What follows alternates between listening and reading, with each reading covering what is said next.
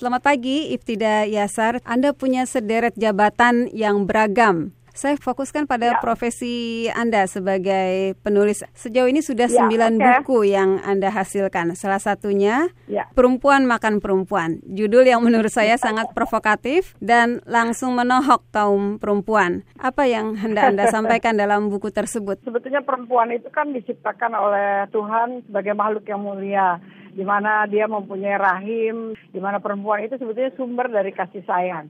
Dia bukan hanya menjadi fokus poin dari keluarganya, tapi juga tiang negara. Yang ingin saya sampaikan di sini adalah fitrahnya perempuan dia harus jaga. Tapi dalam perjalanannya kan tidak semua perempuan mempunyai kekuatan untuk itu. Memang dalam buku ini saya menitik beratkan pada perempuan yang memakan hak perempuan lain. Yang lagi tren sekarang itu kan pelakor. Apa itu, Saya juga Bu? baru tahu singkatannya adalah perebut laki orang gitu. Ah, oke. Okay.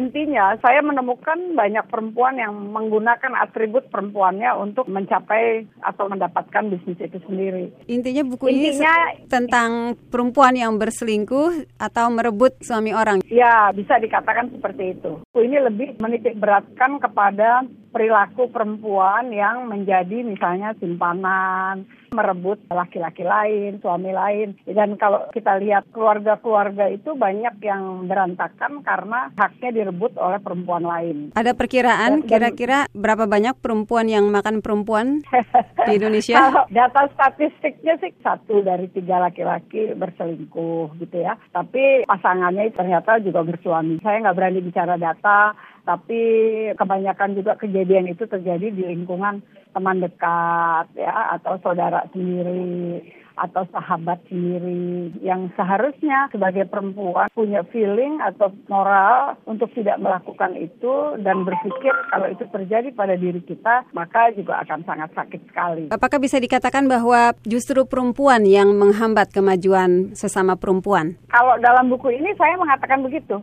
Yang ingin saya sampaikan adalah gerakan moral itu katakan tidak kepada perselingkuhan gitu. Orang tua juga berperan, peran pemerintah juga penting ya. Apa yang harus dilakukan pemerintah, pemerintah selain dengan kampanye pendidikan? Kan tidak mungkin pemerintah membuat kampanye di media massa misalnya menyatakan ayo perempuan harus kuat. Katakan tidak pada selingkuh seperti lagunya Afgan.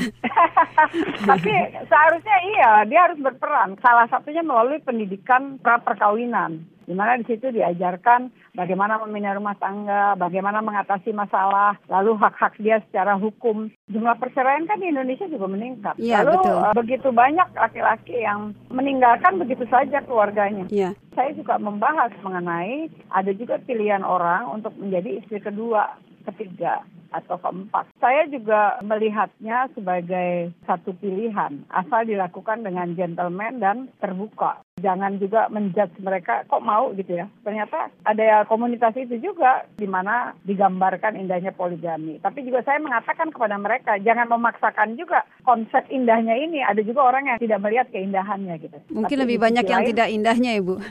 iya, tapi di sisi lain juga kalau ada yang melakukan mungkin terpaksa atau menjadi pilihan itu ya jauh lebih terhormat karena sah menurut saya ya. Tetapi Bu ada juga segelintir mungkin ya perempuan yang memang memang sengaja tidak mau menikah dan punya hubungan dengan laki-laki dalam istilah suami orang untuk kesenangan pribadi.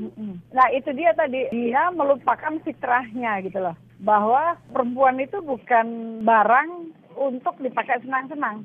Walaupun dia yang memposisikan dirinya walaupun sedikit saya rasa buku saya ini cukup memberikan dampak menyadarkan kembali gitu loh bahwa oh sebagai perempuan tuh mestinya kayak gini. Iftida Yasar terima kasih atas kesediaannya berbincang-bincang dengan VOA Washington. Sekali lagi terima kasih.